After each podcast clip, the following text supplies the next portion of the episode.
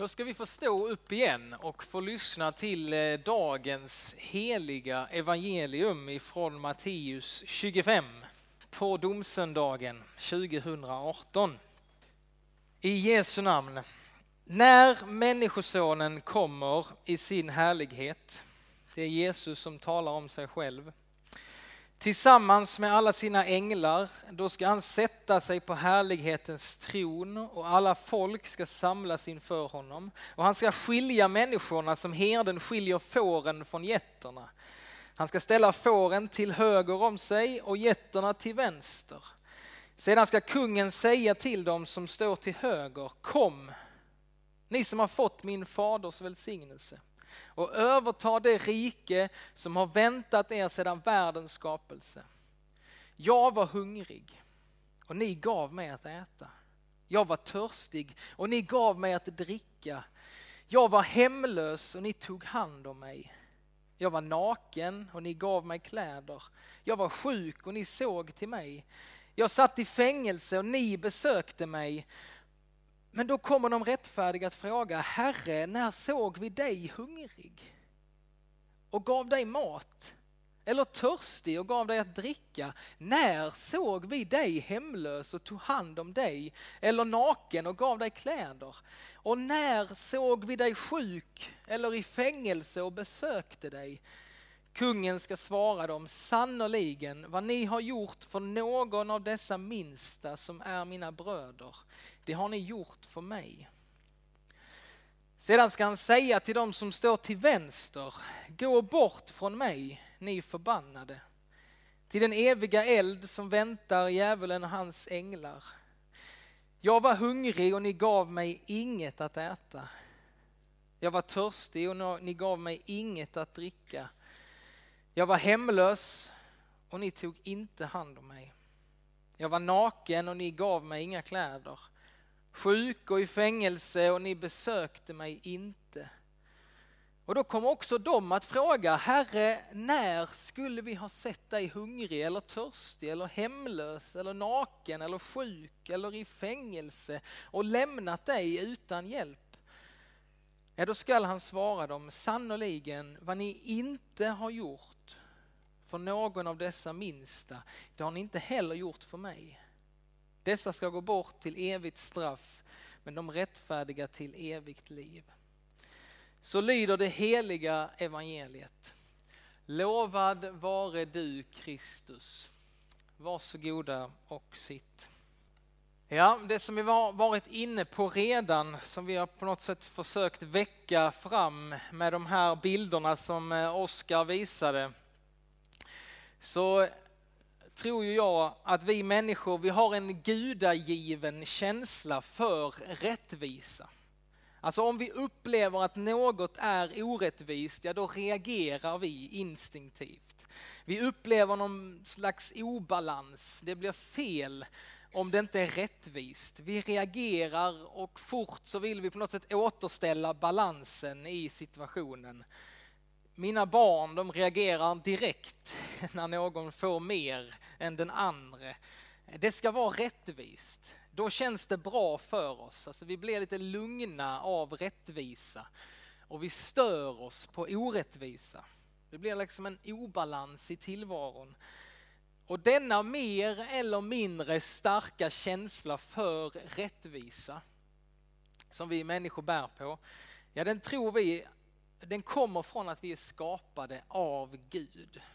Vi är skapade, varje människa är skapad till hans avbild och bär något av honom i sitt liv inom sig.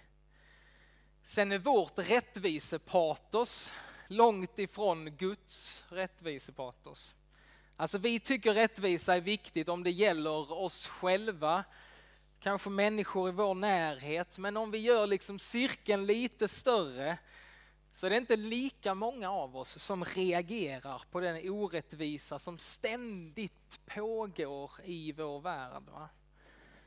Att vi så lätt delar upp varandra. Vissa har enorma fördelar och privilegier medan andra har ingenting. Vår värld är inte rättvis. Livet är inte rättvist. Men Gud är rättvis. Det är viktigt idag. Gud är rättvis. Och han är liksom den yttersta garanten på för att rättvisan en dag ska skipas helt och hållet. För ingenting, ingenting undgår vår Gud. Det står så här i Matteus 10, det finns ingenting gömt som inte ska komma i dagen, ingenting dolt som inte ska bli känt. Vad jag säger er i mörkret, det ska ni säga i dagsljuset. Vad jag viskar i ert öra, det ska ni ropa ut från taken. Var inte rädda för dem som kan döda kroppen men inte kan döda själen. Frukta istället honom som kan förgöra både själ och kropp i helvetet. Säljs inte två sparvar för en kopparslant, men ingen av dem faller till marken utan att er fader vet om det och på er är till och med hårstråna räknade. Var alltså inte rädda, ni är mer värda än aldrig så många sparvar. Vår Gud, han ser allt. Han vet allt. Tänk er vad varje sparv som faller till marken ser han. Varje hårstrå på ditt och mitt huvud är räknat. Au, där har du ett mindre Gud att räkna. Det är helt hisnande. Det finns ingenting gömt som inte ska komma i dagen. Och när jag satt och liksom bad över den här texten och tänkte i veckan, funderade på det, så tänkte jag, tänk om det hade varit tvärtom. Alltså. Att jag hade vetat att ingen ser mig nu. Ingen kommer få reda på detta som jag nu ska göra. Därför kan jag göra det. Därför att ingen ser mig. ju. Ingen vet. Och det är ju så många tänker idag. Men så tänker inte vi kristna. För vi vet att allting som vi gör gör vi inför den levande guden. Han som är rättvisans ursprung, rättvisans garant. Alltså vi lever våra liv inför en audience of one, som man säger på engelska. Alltså vi lever våra liv med en ständig publik som tittar på oss och publiken är den enda levande guden. Han sover aldrig. Jag tror knappt han behöver blinka som vi behöver. Utan han ser och vet allt. Och nu ska jag få läsa ännu en text som belyser detta. En text som man, man inte läser under gudstjänster faktiskt. Vi vill gärna gömma undan den, men inte idag. Det är en text ifrån Apostlagärningarna 5. Och där står det så här. En man som hette Ananias sålde tillsammans med sin hustru Safira en egendom. Med hustruns vetskap tog han undan en del av köpesumman och kom och lade ner resten framför apostlarna.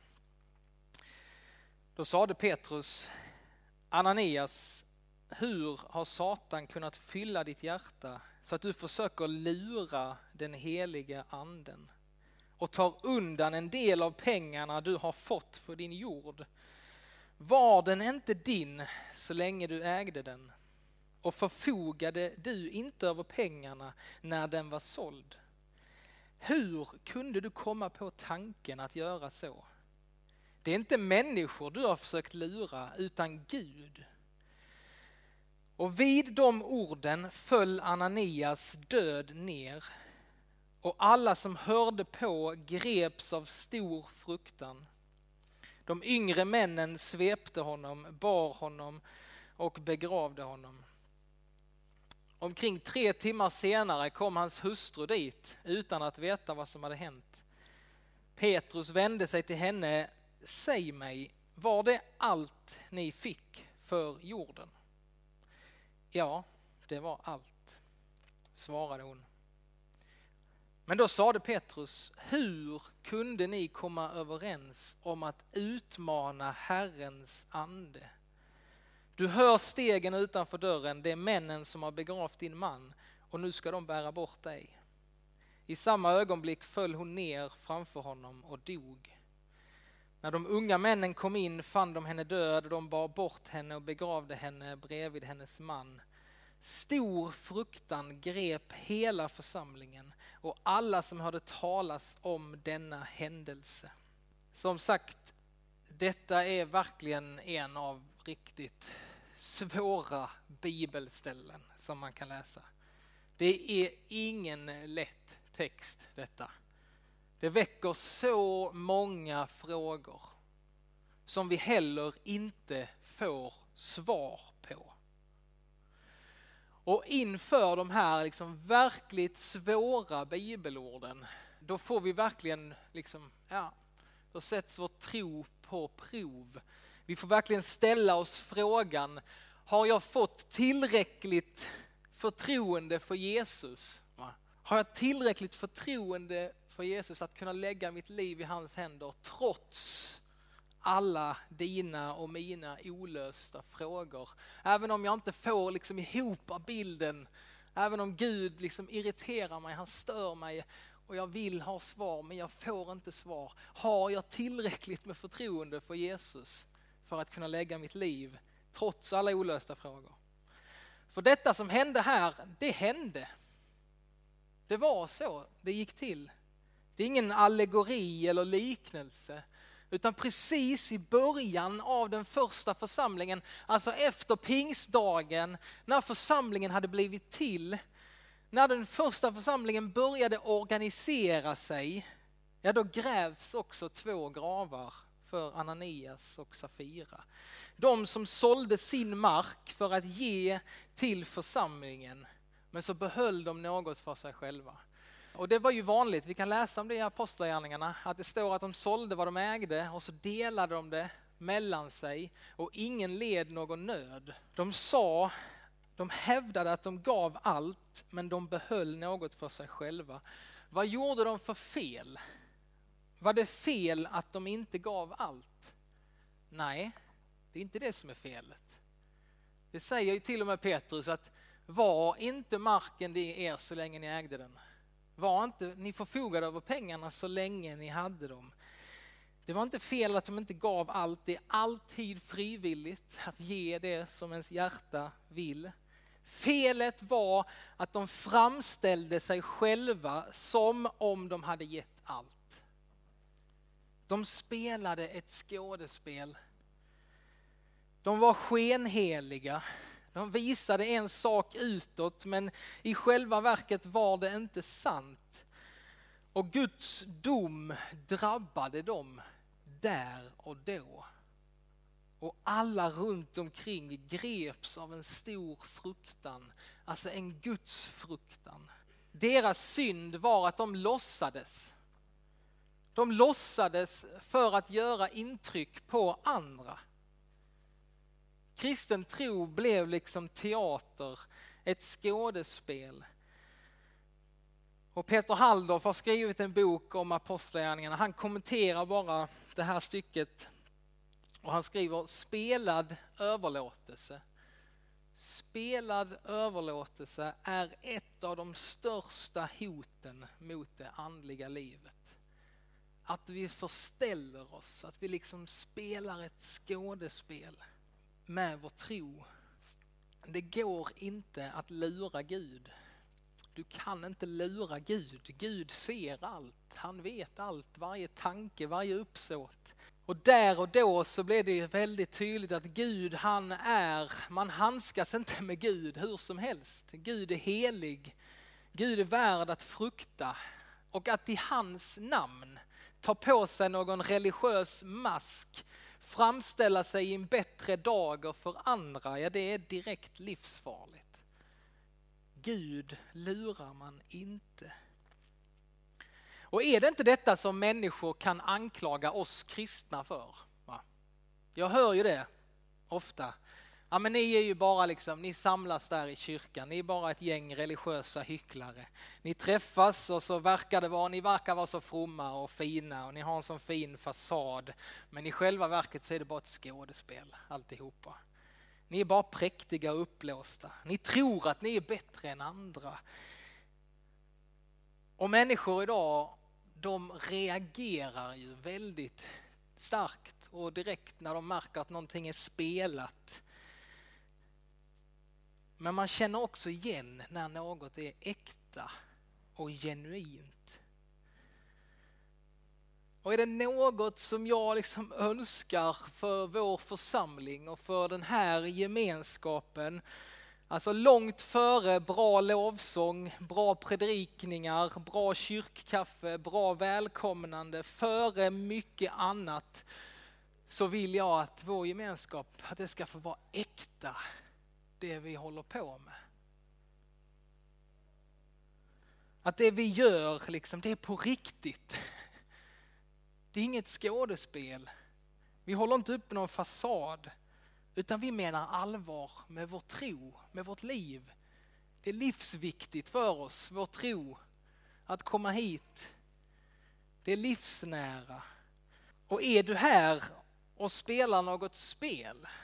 Att du går in i någon roll för att verka from, för att passa in. Sluta upp med det. Tror du att man ska vara på ett visst sätt för att kunna komma hit? Släpp det. Är det något jag önskar så är det att vi, vi ska få vara en äkta, en genuin gemenskap att omsorgen som vi har om varandra, det är äkta. Att vår tro, vi handskas med den på ett, ett äkta sätt. Liksom. Idag på domsöndagen så är budskapet att rättvisan, Guds rättvisa en dag ska segra. Alltså det är bra att veta vad man ska satsa på här i livet. Det är väldigt bra, vi, har fått, vi vet det redan. Alltså det som kommer att segra, det är rättvisan. Det som hör det goda till. Det goda kommer få sin lön och det onda ska få skörda sin frukt. Alltså det är inte ondskan, orättvisa, egoism, habegär som kommer segra. Det är vägen till död. Det som kommer att segra till slut, det som vi kan investera i här och livet som också har liksom evighetsvärde, det är sanningen. Att få leva äkta och sant. Det är rättfärdigheten. Det är godheten.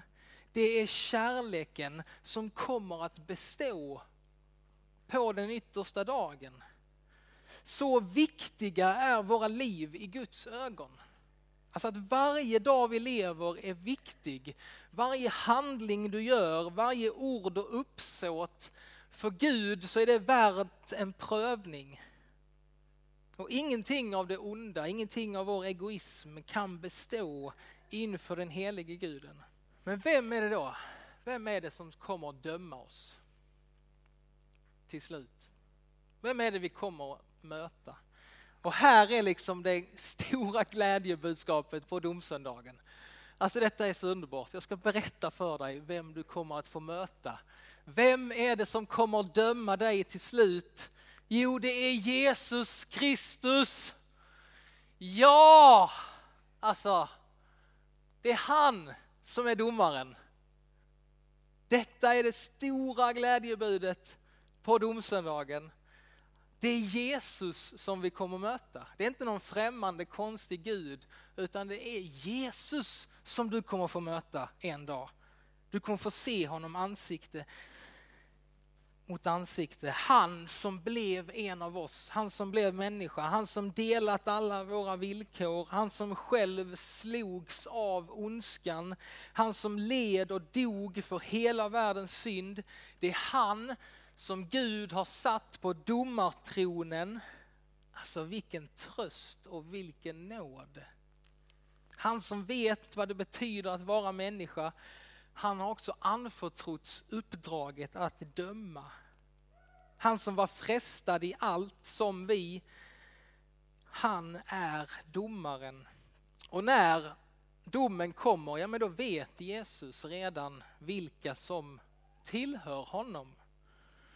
Vilka som här i livet tog vara på möjligheten att leva nära honom. De som tog vara på möjligheten att få bli formade av honom, förvandlade av honom. Han känner vår kamp i livet och han vet om du har kämpat och levt för andra människor eller om du bara har kämpat och levt för dig själv. Om du har haft dig själv i centrum av ditt liv eller om du har haft andra och Gud i centrum. Han vet det. Och han säger ju till dem när, när han möter oss, jag var hungrig och ni gav mig att äta. Jag var törstig och ni gav mig att dricka. Alltså det är människor som har levt för andra, inte bara för sig själv. Det är så Jesus känner igen sitt folk. De som följer honom och de som försöker leva med andras bästa för ögonen. Jesus han är den som lärde oss den gyllene regeln. Va? Så som du vill att andra ska vara mot dig, så ska du också vara mot dem. Och när han möter de här, har ni tänkt på att båda grupperna, liksom, både den gruppen på höger sida och gruppen på vänster sida, de blir ju förvånade av det Jesus säger. Alltså när såg vi dig hungrig, törstig, sjuk, i fängelse?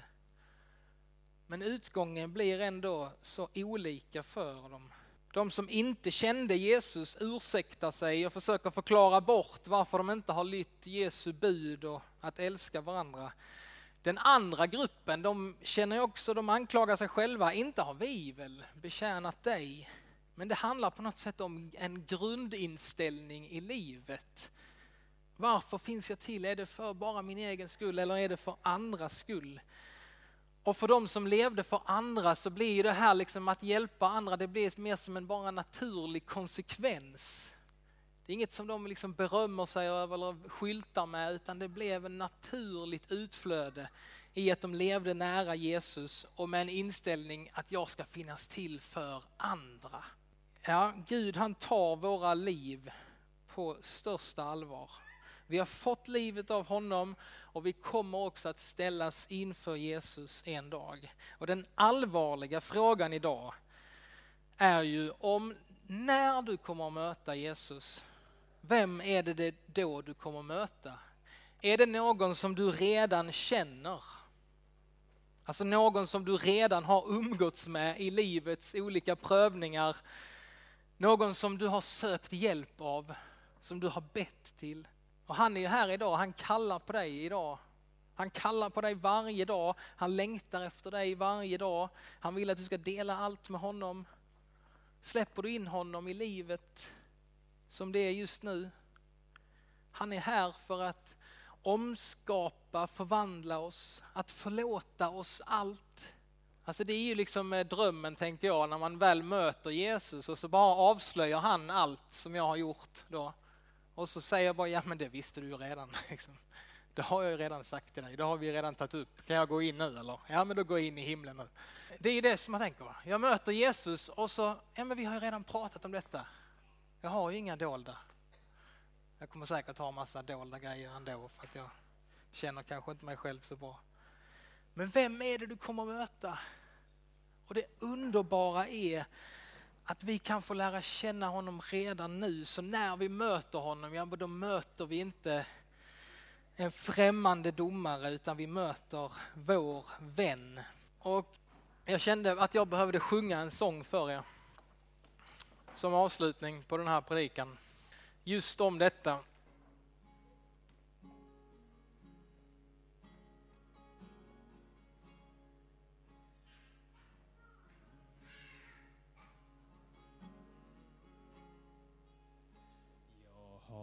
Har en vän som är mig kär.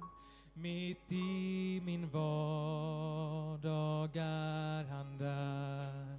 Han ger mig kärlek, hopp och tro och fyller dagen med sin ro. Jag har en vän, jag har en vän som visar vägen ända hem i lust och nöd, i liv och död. Han leder mig till himmelen.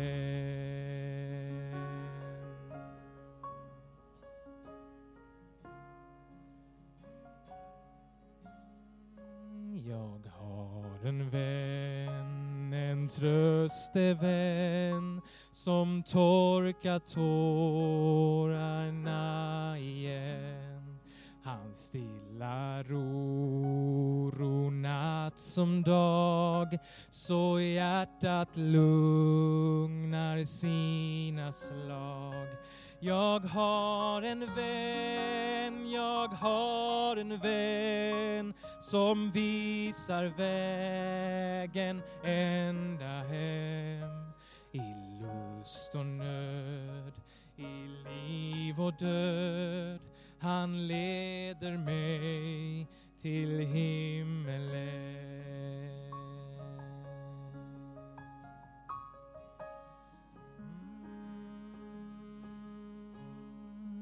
Jag har en vän så innerlig som delar lyckans sköra stig. Han fyller mig med tacksamhet, en glädje mer än någon vet. Jag har en vän, jag har en vän som visar vägen ända hem i lust och nöd, i liv och död. Han leder mig till himmelen. Vi sjunger tillsammans. Jag har en vän, jag har en vän som visar vägen ända hem lust och nöd, i liv och död. Han leder mig till himmelen. Jag har en vän, jag har en vän som visar vägen ända hem i lust och nöd, i liv och död. Han leder mig till he